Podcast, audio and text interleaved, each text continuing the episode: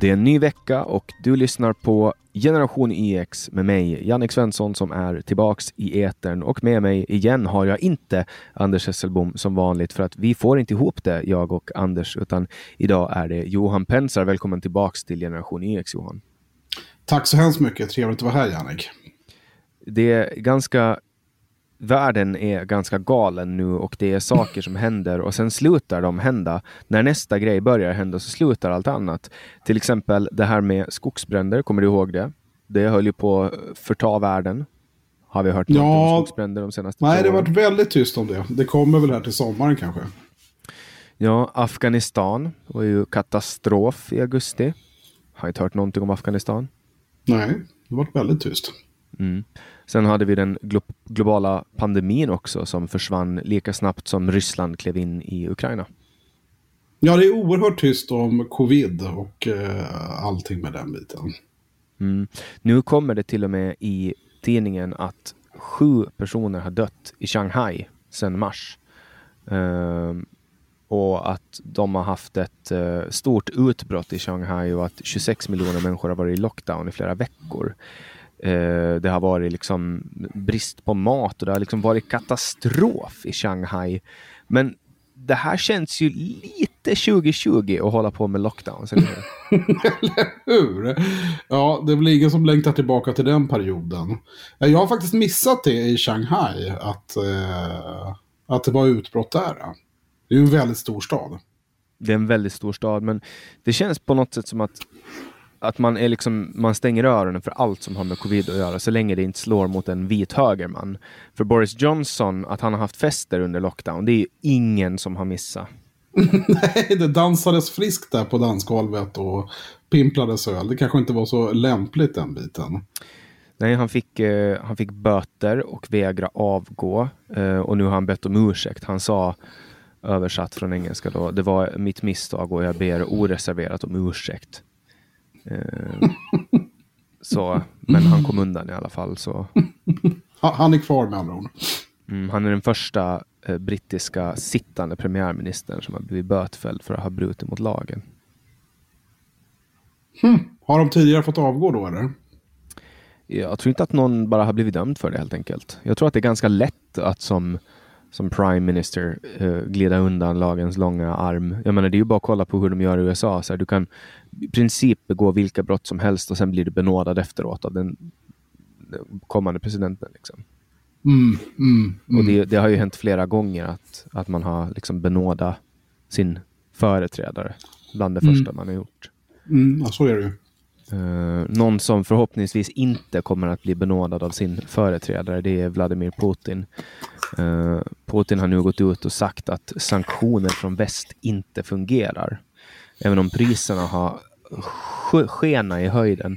Enligt, enligt han själv, uh, Eh, eller enligt Ryssland, så har konsumentpriserna stigit med 17,5 procent på ett år. Det är oerhört mycket. Men han sa i ett tal att, att um, citat, vi kan med tillförsikt säga att den här Rysslandspolitiken misslyckas och att den ekonomiska blixtkrigsstrategin har visat sig inte vara framgångsrik. Man får väl se det som en regel att det Putin säger inte är sant. Han verkar ju ljuga om det mesta. Eh, det får man nästan utgå ifrån. Men, men hur hög var inflationen? Drygt, drygt 17-18 procent då? Mm, konsumentpriserna, så det är väl, det är väl uh, ungefär samma som inflationen. Jag vet inte om det finns några andra beräknings... Uh, på, beräknings men det är väl lite olika hur man beräknar inflation, men, men, det har väl stigit i hela världen. E, efter, efter covid-pandemin och sen med inträ eller Rysslands inträde i Ukraina så har ju priserna skenat på, på det mesta för, för vanligt folk så att säga. Mm. Jag kan tänka mig att varenda student på Södertörn blir arg om du säger inträde i Ukraina. Jag tror att det heter invasion. Nu får du be eh, om ursäkt till alla som Jag ber tagit... allihopa om ursäkt. Det var helt fel ord. Jag, jag menade ju den, den eh, fientliga invasionen och kriget i Ukraina som Ryssland har gjort. Mm. Och sen vill jag att du använder könsneutrala pronomen i fortsättningen.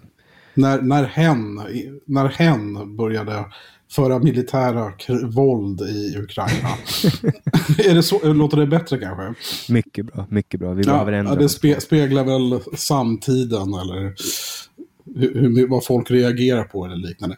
Men det som slog mig Jannik var ju att det är ju, det är ju enorma prishöjningar för vanligt folk och eh, löneökningarna, alltså lönerna höjs inte i, i samma takt och det ser ju ut som att eh, ränteläget kommer gå upp också. Mm. För att stävja inflationen. Så det är ju inte bara Ryssland som har drabbats, sen har väl de drabbats ännu hårdare med tanke på sanktionerna. Men, men det slår ju liksom med priset vid pumpen och elräkningar och nu såg att det var 80 kronor för några tomater. Eh, det är ju helt galet. Så det är, ja, ju, inte det bara, nästan... det är inte bara Ukraina eller Ryssland som är drabbat. Nej men det där låter ju nästan som att man bor innanför tullarna i Stockholm. Det är ungefär det man får betala för sina grönsaker där. Ja, men det här tror jag var en vanlig större livsmedelsbutik. 80 eh, kronor kilot då för, för tomater. Så här undrar man ju lite liksom om, om pensionerna går upp med liksom 100 kronor per månad. Kommer det motsvara då de prisökningar som är? När folk ska åka bil eller ja, köpa lite tomater och lyxa till det. Eller ska man liksom dra ner på smöret på brödet eller vad ska man göra? Ja, köra mindre bil. Jag har ju börjat köra min bil ekonomiskt nu när, när eh, bränslepriserna har gått upp. Eh, I början så körde jag jätteekonomiskt när, när jag köpte den för att det var roligt att få den så lågt som möjligt. Men sen har jag bara slutat. Men nu använder jag min adaptiva farthållare hela tiden. Eh, och då har jag fått ner förbrukningen med över en liter eh, per 100 eh, kilometer. Då. Så mm. en, en och en halv till och med har fått ner den. Mm. Bara genom att använda adaptiv farthållare. Och inte köra mera. Jag kör alltså... Du kör tråkigt med andra ord. Jag kör 80 kilometer i timmen på motorväg. Ja, jag eh, skulle ju aldrig köra för fort. Ja, men, men det är så här, även om det är 110 så kör jag 80. Jag brukar klibba upp mig bakom en lastbil också. För det, det, går... Nej, men det, det slår ju väldigt hårt. Det är ju enorma prisökningar eh, runt omkring. Men, men jag förstår att sanktionerna har ju slagit hårt mot Ryssland och deras ekonomi är ju, alltså det, det slår ju på befolkningen och företagen där. Så där, där, där, där, där ljuger väl Putin rätt rejält faktiskt. Ja, och det som jag sa, det är mer regel än undantag att han ljuger. Det var ju samma mm. när, när uh, Ukraina sänkte deras uh, flaggskepp Moskva. Då, sa ju, då var ju också så här, ja nej det har skett en eh, brand i ammunitionsförrådet. Och så säger Ukraina, eh, Slava Ukraini, vi har sänkt eh, Moskva, vi har skjutit in robotar i deras ammunitionsförråd. Och Ryssland bara, no, no, no, no, no. no. Nej, nej, nej. Det börjar brinna. Jo, jo, för att det gör ju det. Världens, typ ett av världens mest civiliserade eh, fartyg, åtminstone i Östersjön, har helt randomly tagit brand i ammunitions... Eh, det bara hände lite sådär ungefär. Ja, mitt under Det har aldrig, typ, aldrig hänt att ett örlogsfartyg har liksom börjat brinna ammunitionsförrådet. För är det någonstans det inte får börja brinna så är det där. Men, men nu när, när de är i krig med Ukraina, då börjar det brinna där. Nej, Uh, jag skickar en, en, rolig bild till dig när, när, när det är en traktor som försöker boxera. ja. man, man, kan väl säga att ordvalet på, på, alltså namngivningen på fartyget var väl mindre bra. Uh, ja, just, att, just att det var Moskva som sjönk. ja, det blir en symbolseger liksom. Ja. De, de menar att, att en explosion inträffade efter att ammunition ombord började brinna då, och sen att det sjönk i dåligt väder. Men det saknas liksom tecken på storm. Och det där var väl en ganska rejäl robotkryssare som sjönk också. Det var inte... Det var liksom inte ett vanligt liten jolle eller någonting, utan det var en av de Nej, större... det här är Rysslands största och ja. mest civiliserade krigsförande. Det här är en riktig jävla seger för dem. Och det som hände efteråt var att helt utan eh, rysk då, Ryssland börjar bara några timmar efter att den har sjunkit börjar de bomba Kiev extremt hårt. Ja. Vilket tyder på att de är arga liksom. Ja, ja. ja. Och nu håller de på, nu har de flyttat, Ryssland har flyttat fokus mot östra Ukraina och det verkar som att de kommer att förbereda en fullskalig offensiv. Alltså att man skjuter he hela fronten 50 mil med artilleri. Det säger över, ja. överstelöjtnant Joakim Paasikivi eh, i svenska armén. Då. Så det blir ganska klassisk rysk krigsföring då? Liksom, ha, ha sönder allt ungefär? Ja, det, först, det, skiljer, först... det skiljer sig lite från, jag tänker, Eh, invasionen i, i Irak eller i Afghanistan, där var det mycket smarta bomber eller liknande, eller så var det propagandan var så i alla fall. Men det här känns det som att det är extremt mycket dumma bomber, väldigt mycket civila mål. Man, man spränger och skjuter liksom på allt. Det är finska vinterkriget på nytt. De misslyckades med sitt infanteri och sina dumma tanks. Eh, det heter ju inte pansarvagn, det heter stridsvagn. Eh, men de, de misslyckas med det och sen bara sätter de in och bara spränger sönder allt de hittar när de inser att nu håller vi på att tappa ansikte. Men, men alltså om, om, om inte Ryssland kan vinna det här kriget, vad skulle de då kunna göra mot NATO? Om NATO gick in. Alltså på riktigt, jag börjar, jag börjar bli helt så här, från att ha varit den här som bara, nej men kanske vi, vi undviker eh, liksom NATO-krig och så vidare. Kanske de börjar trycka på knappen. Men jag tror inte att många generaler kommer att trycka på knappen. Jag tror inte ens om de väl trycker på knappen så tror jag inte att deras, det kommer inte att funka. Det kommer inte att lyckas avfyra kärnvapen. Det är deras system ja, det, från Sovjet ju. Ja men så är men det finns väl, om jag förstår det rätt, så finns det ju liksom att eh, Putin äger inte den makten helt, utan det är liksom ett antal steg på vägen som man behöver komma igenom för att just avfyra då kärnvapen eller mindre taktiska kärnvapen. Eh, alltså för att slå ut militär då och strategiska mål och liknande.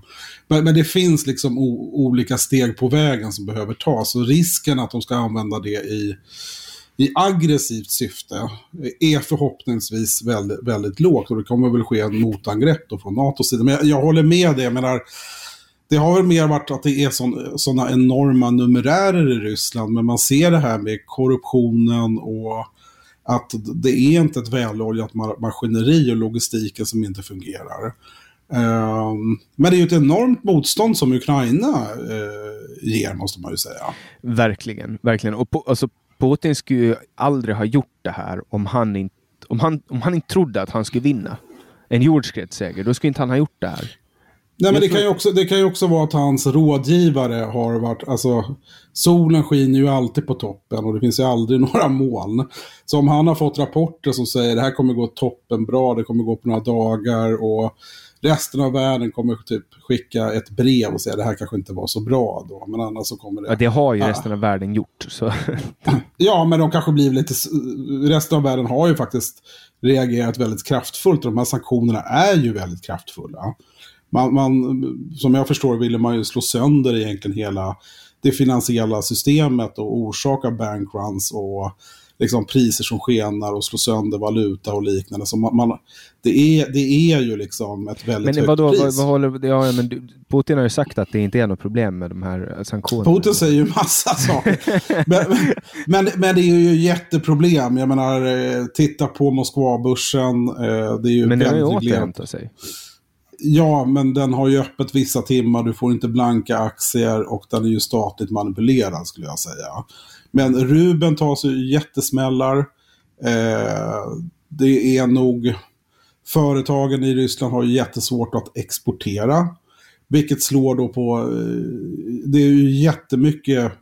Ja, fabriker och liknande. Nu hör det, det är ju problem med allt från däck och batterier. Det är en jäkla massa grejer som har tillverkats i Ukraina och Ryssland.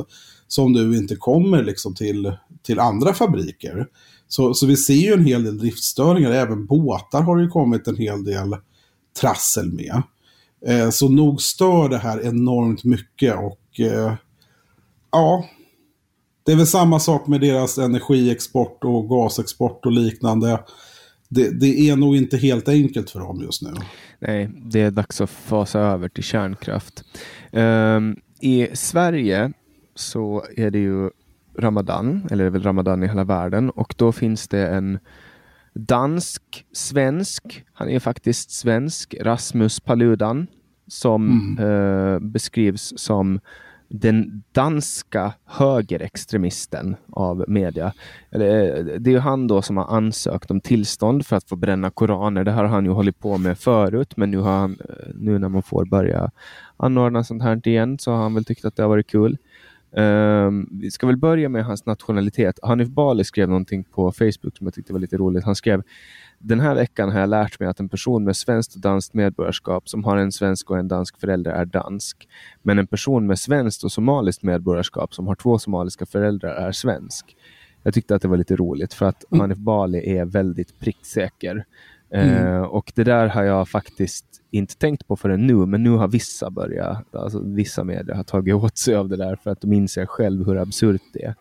Men han har i alla fall eldat uh, eh, koraner och vissa platser så har han inte ens börjat elda koraner utan uh, de har bara ansökt om det och så har det blivit upplopp. Och nu är det fruktansvärt mycket upplopp i Sverige. Överallt. Alltså det brinner polisfordon.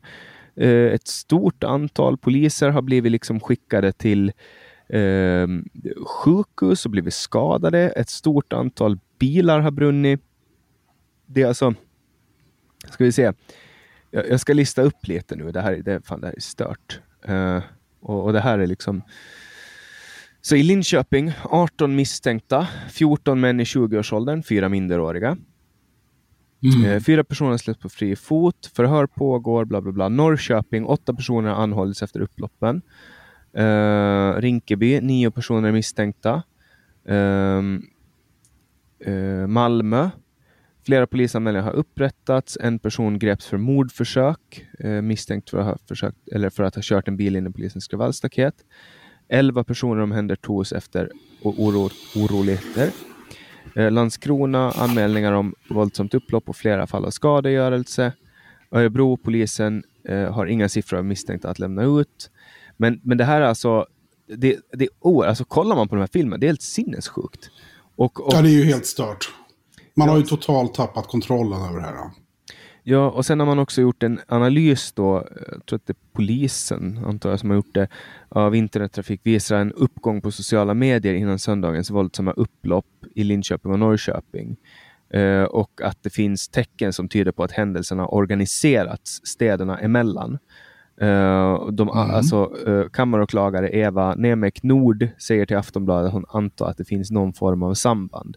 Och 26 personer i de här båda städerna har frihetsberövats så att en tredjedel av de här tillhör den kriminella världen. Ja, det är ju helt stört alltså. Men vad är, var, varför, varför är de så arga?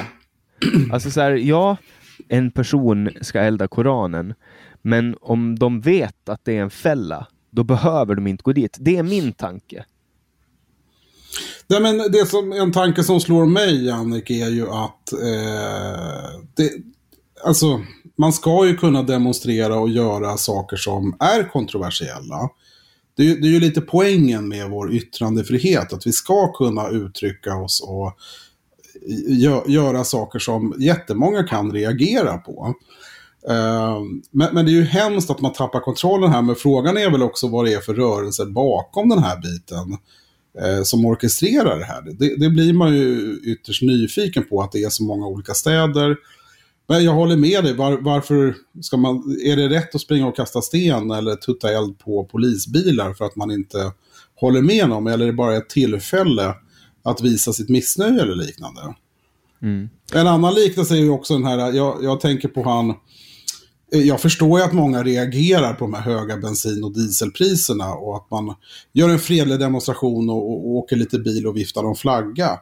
Men det ledde ju till att han som ledde den demonstrationen blev ju, han blev bötfälld och liknande för att det, det bröt mot sanktioner eller liknande. Och, och här är man någon som eldar koran, vilket jag personligen liksom, ja, jag, jag tycker att yttrandefriheten och demokratin är det som är viktigt. Ja, alltså han trycker ju på en öm punkt för att han Så är det. på en öm punkt. Det är Så är det, men, men det är ju samhället som ska värna yttrandefriheten och demokratin.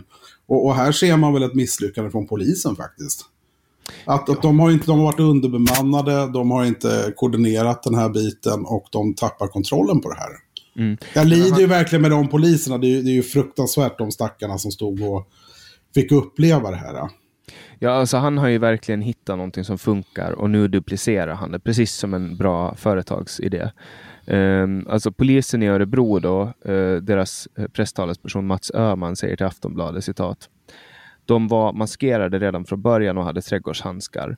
Det var hur mycket som sten som helst. Folk med kassar fyllda med gatusten levererade till de som var längst fram. Jag vågar säga och är övertygad om att man kommer att se vissa av personerna på flera av de här platserna i Sverige där upplopp bröt ut. Det här verkar vara folk som tycker om att skada poliser. För det, sen säger han vidare, det såg ut som att det var otroligt dedikerade för att skada poliser. Det är inga motdemonstranter. Det här är väldigt grovt kriminella handlingar som inte har något med demonstrationer att göra. Så det är alltså folk, grovt kriminella, som passar på att eh, skada poliser. De använder sitt polishat för att liksom få... Turnera då, turnera runt om och, och uttrycka det. Därför det, det var ju även med i, om det var BBC, The Guardian, Al Jazeera, Eh, I tysk press, så, så Sverigebilden fick väl sig en rejäl knäck. Eh, efter de här fruktansvärda bilderna.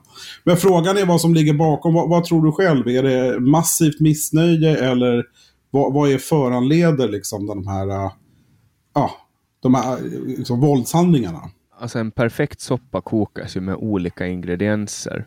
Och jag tror att det här är så jävla komplext att vi behöver eh, sätta oss ner och förstå, alltså fundera väldigt mycket på vad det är och börja kolla ehm, liksom, eh, liksom på, alltså det, det, här är en så komplex fråga så vi kommer inte att kunna få ett, ett entydigt svar ännu. Jag tror att det är en kombination av människor som är fundamentalister, som är väldigt arga på att det ska eldas koraner. Men sen tror jag också att det är, är, också att människor kanske är väldigt arga på polisen och hatar polisen för att de har växt upp i en kultur där man rappar om och, och hatar poliser och att poliserna är hemska och man kanske ser en chans att få skada poliser. Uh, men så, sen tror jag också så... att man, man hetsar upp varandra. Det är liksom en upphetsningseffekt. Ja, men det blir ju den här lynchmobb-effekten såklart. Men man är ju ute efter att skapa våld och aggressivitet och skada. Jag menar, vad, vad är det som skapar det utanförskapet eller den aggressiviteten? Det måste ju vara saker och ting som har hänt innan i det här, alltså man borde kanske jag, jag håller med dig, man, man kanske borde fundera lite på vad, vad är bakomliggande orsaker och varför reagerar man så starkt eh, mm. just kring den här biten? Alltså, Palu, Paludan, jag vet inte hur man uttalar hans efternamn och jag bryr mig inte heller. Men han är ju uppenbarligen ute efter att liksom bara blazea igång den här rasismdebatten på nytt. Han vill ju få det här till att vara dumma, dumma, dumma invandrare. Ja, men... Eller så här, även om jag... Jag, jag, jag tycker ju själv att det skulle vara en... Jag, min uppfattning är att även om man inte håller med om själva åsikten eller handlingen som sig, så måste, måste man värna yttrandefriheten och demokratin, att man får göra det. Och här visar ju, frågan är ju då liksom, skapar det då, ja, spär det på den rasismen som vi redan vet finns från olika grupperingar runt om i Sverige. Blir, blir det här liksom än värre eller blir det ökad polarisering?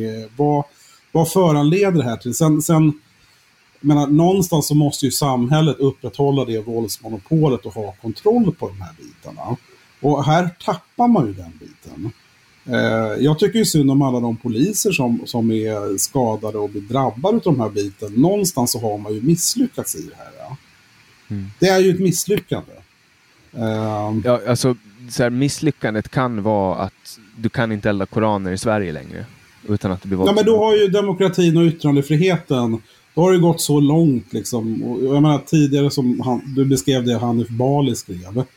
Eh, det har ju också varit en form av, ja, säger man liksom, ja, inte jag, liknelsen när, när, när Ryssland liksom, ja, vandrar in om man inte använder hen eller liknande så reagerar man jättestarkt på Södertörns högskola.